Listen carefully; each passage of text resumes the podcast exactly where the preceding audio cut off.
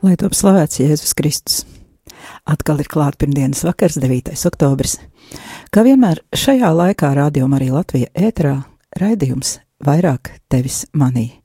Un līdz 22.30 ar jums kopā es Sandra Preisa. Atgādinu raidījumu kontaktus. Ētera telefona numurs 67969131, numurs izziņām 26677272, e-pasts vairāk tevis manī at gmail.com vai arī sūtiet ziņojumus caur raidījuma Facebook lapu. Iepriekšējos divos raidījumos ar divu dominikāņu teologu palīdzību mēs mēģinājām saprast, kur balstās cilvēka cieņa un līdzība ar Dievu, un dzirdējām par to, ka varbūt ka tā nav tikai vienkārši līdzība, bet pat vienlīdzība. Tomēr, jo mēs vairāk tuvināmies Dievam, jo kārdinājumi kļūst rafinētāki un grūtāk atpazīstami, Tāpēc šovakar papētīsim, ar kādām grūtībām sastopas labas gribas cilvēki pēcpatiesības laikmetā, kad cieņas pilna izturēšanās pret sevi un citiem vairs nav pašsaprotama. Un tāpēc, jo vairāk mums ir jāizkopja sevī savas patiesās identitātes un no tās izrietošās cieņas apziņa. Bet tagad lūksimies un turpināsim raidījumu. Tēvs svētī mūs visus, gan tos, kuri pašlaik klausās šo raidījumu, gan arī mani pašu, lai viss, kas šodien izskanēs ēterā, nestu svētību klausītājiem un būtu derīgs garīgajai izaugsmai. Atver mūsu prātus un gar acis, lai katrs no mums spējam sadzirdēt tieši to, kas šobrīd mums ir vajadzīgs. Tēvs mūsu, kas esi debesīs, svētīts lai top tavs vārds, lai atnāk tava valstība Tavs prāts, lai notiek kā debesīs, tā arī virs zemes. Mūsu dienascho maizi dod mums šodien, un piedod mums mūsu parādus, kā arī mēs piedodam saviem parādniekiem, un neieved mūsu kārdināšanā, bet atpestī mūs no ļaunā.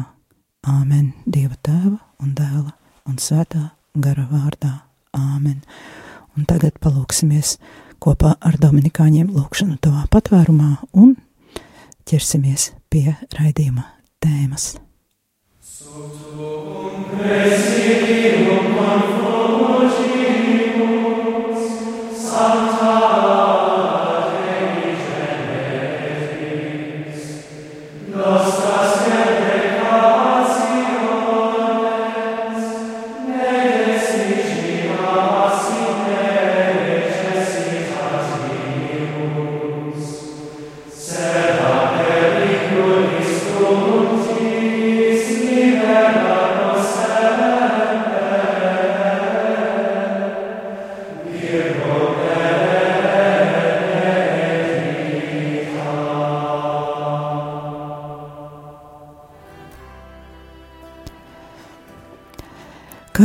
pieteicu, papētīsim, ar kādām grūtībām jāsastopas mūsdienu cilvēkam, kurš meklē dievu.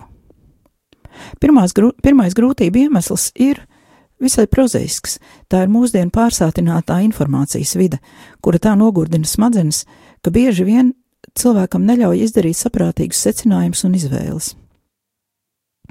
Un šī parādība ir šobrīd moderni nosaukta par apzinība, apzinātības trūkumu. Mazliet apzinātības kristīgajai izpratnē mēs pieskārāmies jau 18. septembra raidījumā, kuru varat noklausīties arhīvā.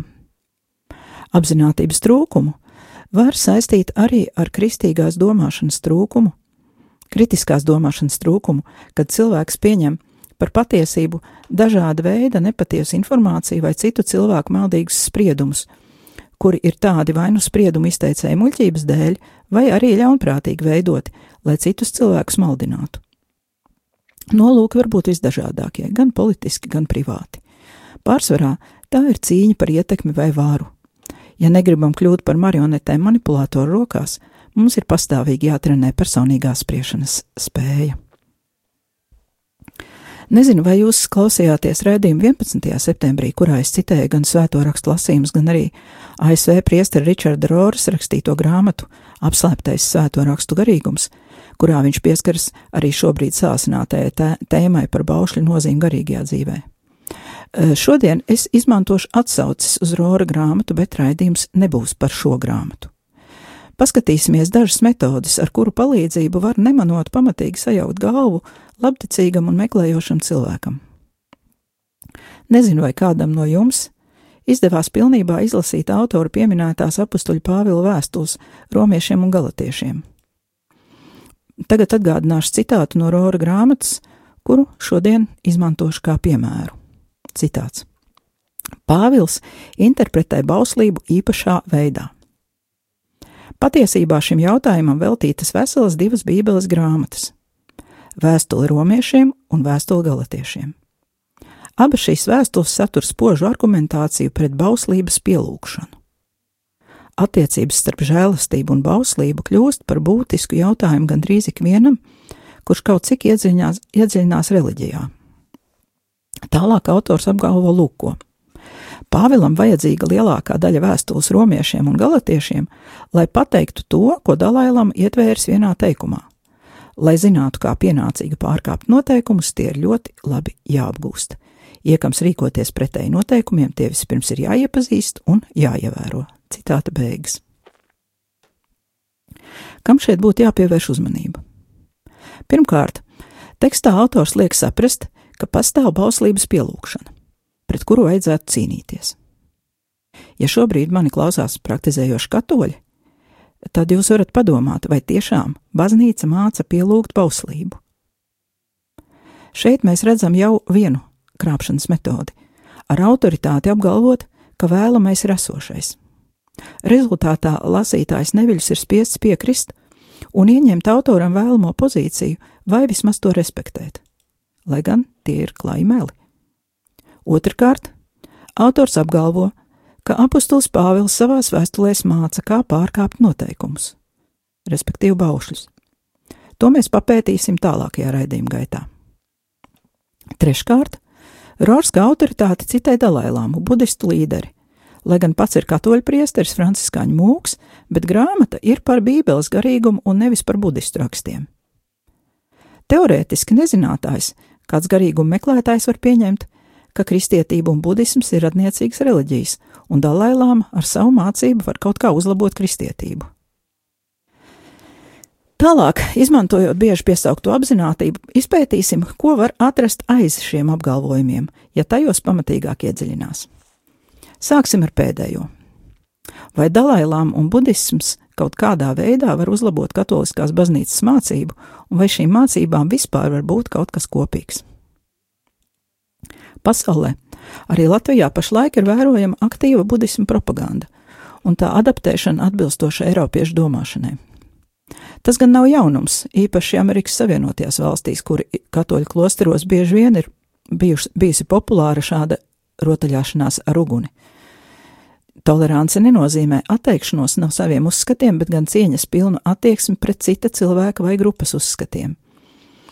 Es jūs aicinu, būsim ļoti, ļoti uzmanīgi, ir jāatšķir zināšanu apgūšana par citām reliģijām no šo re reliģiju prakses piekopšanas vai kaut kādas jaunas samiksētas reliģijas veidošanas.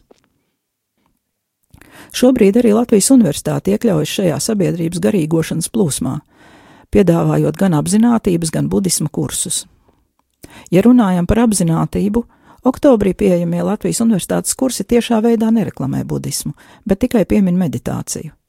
Toties cits portāls, kurš piedal, piedar populārajam universitātes Open Minded projekta pasniedzējam, psihoterapeitam Ansim Jurģim Stabingim, raksta šādi, citēju. Apzinātības praksi var uzskatīt par meditācijas fórumu, kas mūsdienās iegūst ar vien lielāku popularitāti. Lai arī tā balstās vairāk nekā 2500 gadu senās budismu meditācijas tradīcijās, Pēc savas būtības tā ir nereliģisks, nesektantisks, racionāli pamatots prāta treniņš, kas var būt noderīgs jebkuras ticības pārstāvim, ateistam vai ikvienas garīgās prakses piekritējam. Citāta beigas. Ieklausīsimies. Vispirms tiek apelēts pie iespaidīga skaitļa. 2500 gadu sena tradīcija. Tātad lasītājiem ir jāsaprot, ka te nav nekāda joklieta. Ir pēdējais laiks ieviest šito praksu Latvijā. Tālāk tiek lietoti pēc kārtas divi viens otru izslēdzoši apgalvojumi. Ap apgalvojumi balstās budismā, bet nav reliģiska. Es gribētu teikt, ka tā ir ļaunprātīga cilvēka apziņotības un kritiskās domāšanas trūkuma izmantošana, cilvēku maldināšana. Palūkosimies, ko saka citu Latvijas universitātes kursu reklāma, kuras nolūks ir iepazīstināt ar pašu budismu. Citēju. Uzlūkojot budismu vērīgāk, nonākam saskarsmē ar reliģiju, kurā nav dieva, bet ir dievības. Tātad budisms ir reliģija, pie tam radikāli atšķirīga no kristietības. Kas var būt kopīgs kristietībai, kura tic trīsvienīgajam dievam, attiecībām ar trim reālām dievišķajām personām, un budismam, kurā nav dieva, bet ir dievības. No tā mēs varam secināt, ka Dalailama nav autoritāte, uz kuras izteikuma pamata varam analizēt Bībeli, tieši tāpat kā Bībele nav saistoša ticīgiem budistiem.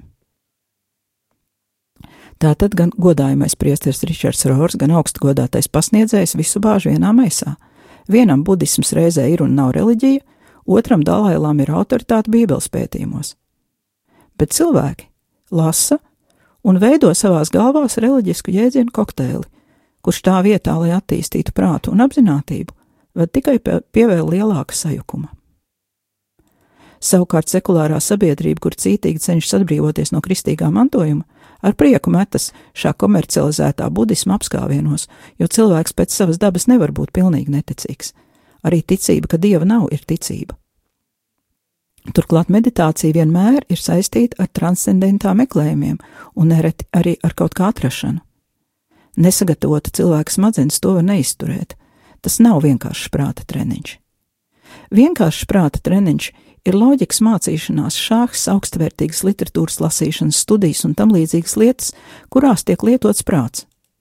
Interesantiem var ieteikt arī universitātes pasniedzēja Arta Sveces vadītos kursus kritiskajā domāšanā, kuros īsi un skaidri varēsiet apgūt kritiskās domāšanas pamatus un paši iemācīties atšķirt, kad jūs mēģina apzināti vai neapzināti manipulēt, kā arī iemācīsieties argumentēt un aizstāvēt paši savu viedokli. Tāpat aicinu visu sev svarīgo informāciju pārbaudīt pašiem, meklēt autentiskus avotus, bet attiecībā uz baznīcas mācību uzmanīgi pētīt katehismu, bībeli un baznīcas dokumentus, jo arī priesteri, kā redzam pēc Rora piemēra un arī nemazums citiem piemēriem baznīcas vēstures gaitā, var sludināt maldus. Tātad vēlreiz secinājumi. Budisms ir reliģija, kurai nav nekā kopīga ar kristietību, tāpēc Dalailam nevar būt katoliskās baznīcas autoritāte, lai gan viņš ir ļoti cienījams un vietas cilvēks. Un otrs secinājums - mums ir jātrenē prāts, lai atpazītu nepatiesus apgalvojumus, ar kuru palīdzību mēs tiekam manipulēti. Šajā īsajā tekstā tādi bija vairāki - gan atsaukšanās uz lielu gadu skaitli, gan atsaukšanās uz autoritāti, kas nav autoritāte, vienlaicīgi divu pretēju apgalvojumu izteikšana, no kuriem nevar izdarīt derīgu secinājumu. Savukārt budisma kursu reklāma beidzas ar šādiem vārdiem: Eiropas vērtību pasaulē mītošiem Latvijas iedzīvotājiem lēmums beigās ir jāpieņem pašam, un šo lēmumu pieņemt palīdz pragmatiskais kritērijs, proti, kas no budisma nostrādā šeit un tagad manis paša dzīvēm. Bet vispirms ir vajadzīgas kādas norādes, kas ļautu orientēties ideju, vērtību un praktisko metožu bagātībā, lai budisms ikdienā spētu ienest taustāmas izmaiņas. Citāta beigas. Pat šajā nevainīgajā vēlējumā ir ietekmēšanas sviras. Tiek spēlēts uz apelēts pie brīvības, lēmums jāpieņem pašam. Tātad šī, šis lēmums par sekošanu budismam ir tāda tā kā brīvības izpausme. Tālāk kritērijs īslaicīga labuma piedāvājums apelējot pie pragmatisma, jo kurš gan nevēlas būt pragmatisks? Apgalvojums, ka ir jāizvēlas tas, kas man šeit dar, dar šeit un tagad, un nevis kādas sekas tas nesīs ilgtermiņā un ne tikai man. Savukārt Eiropas vērtību piesaukšana, bet tomēr vēlējums, lai budisms varētu ienest taustāmas izmaiņas, šeit ne tik daudz droši vien ir svarīgs budisms, kā atteikšanās no šīm tās augtajām Eiropas, jeb kristīgajām vērtībām. Jo, ja mūsu vērtību sistēma mainās un ienāk kāda cita, tad tas paver ceļu jaunām ideoloģijām, kuras nav balstītas kristīgajā vērtību izpratnē un kuras varētu būt mums nesevišķi patīkamas ilgtermiņā un nest sāpīgas sekas. Tas ir arī attiecībā par izpratni, kas ir cilvēks un kāda ir cilvēka dzīvības un personas vērtība. Attiecībā uz apziņotību atgādināšu, ko runājām 18. septembra raidījumā. Tas, ko dēvē par apziņotību, ir cilvēka dabisko spēju kopums, un tas nav obligāti saistāms ar ticību. Tas ir cilvēka cieņai un patiesajai identitātei atbilstošs stāvoklis. Ticīgam cilvēkam ir visi līdzekļi, lai varētu izkopt savu personību, arvien vairāk tuvojoties savai patiesajai identitātei.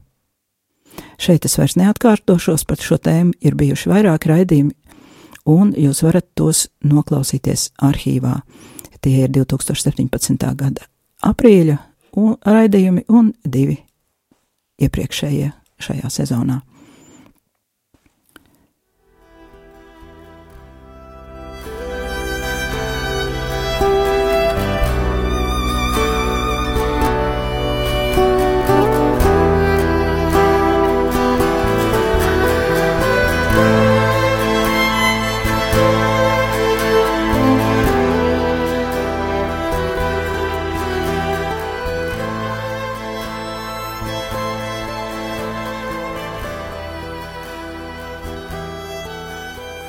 Tagad pievērsīsimies nākamajai spēlītai ar cilvēku prātiem un uzticēšanos autoritātēm, kuru minēju otrajā punktā.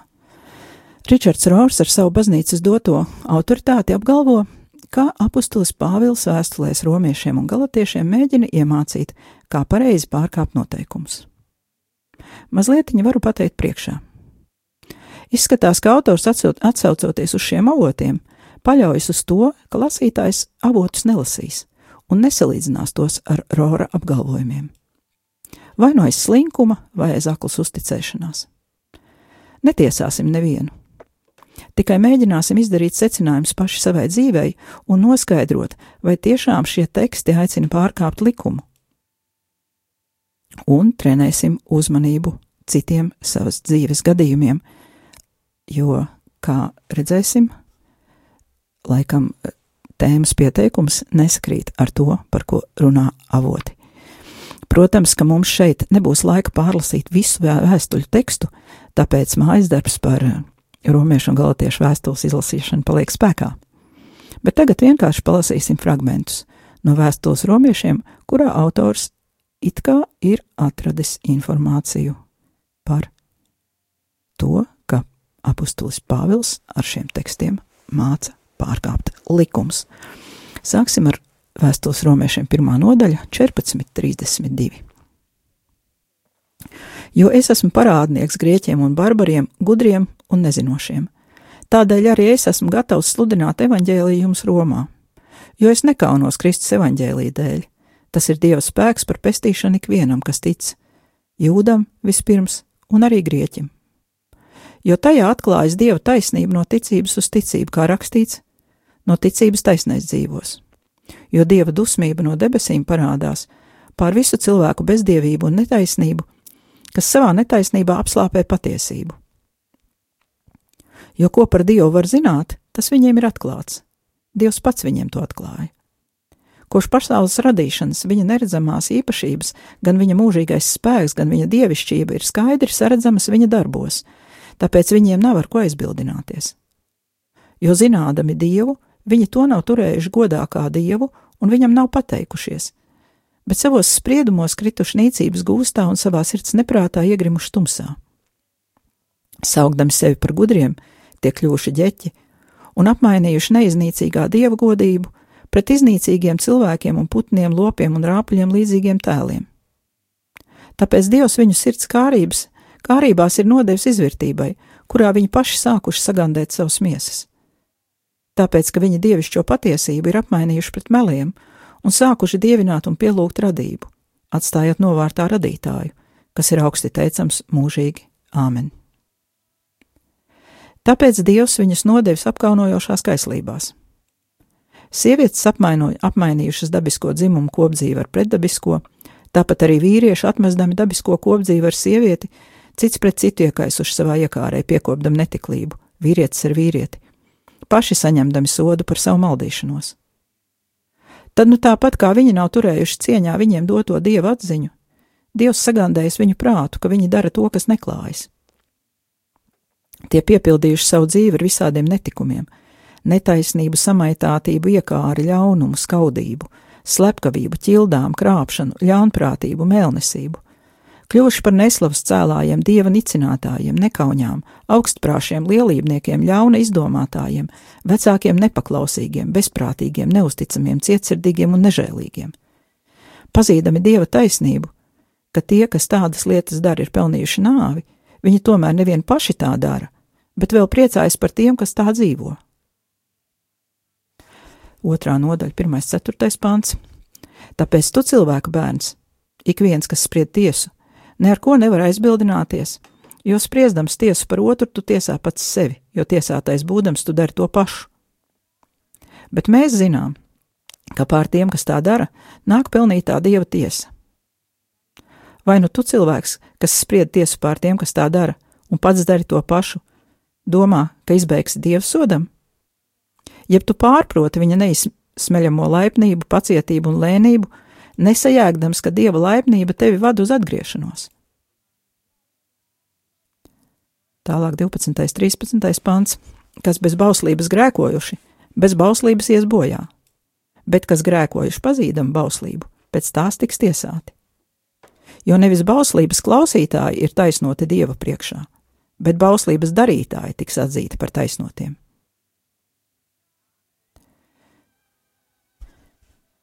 No 19. panta. Tu apzinājies, esam aklo ceļvedis, gaisma tiem, kas ir tumsībā.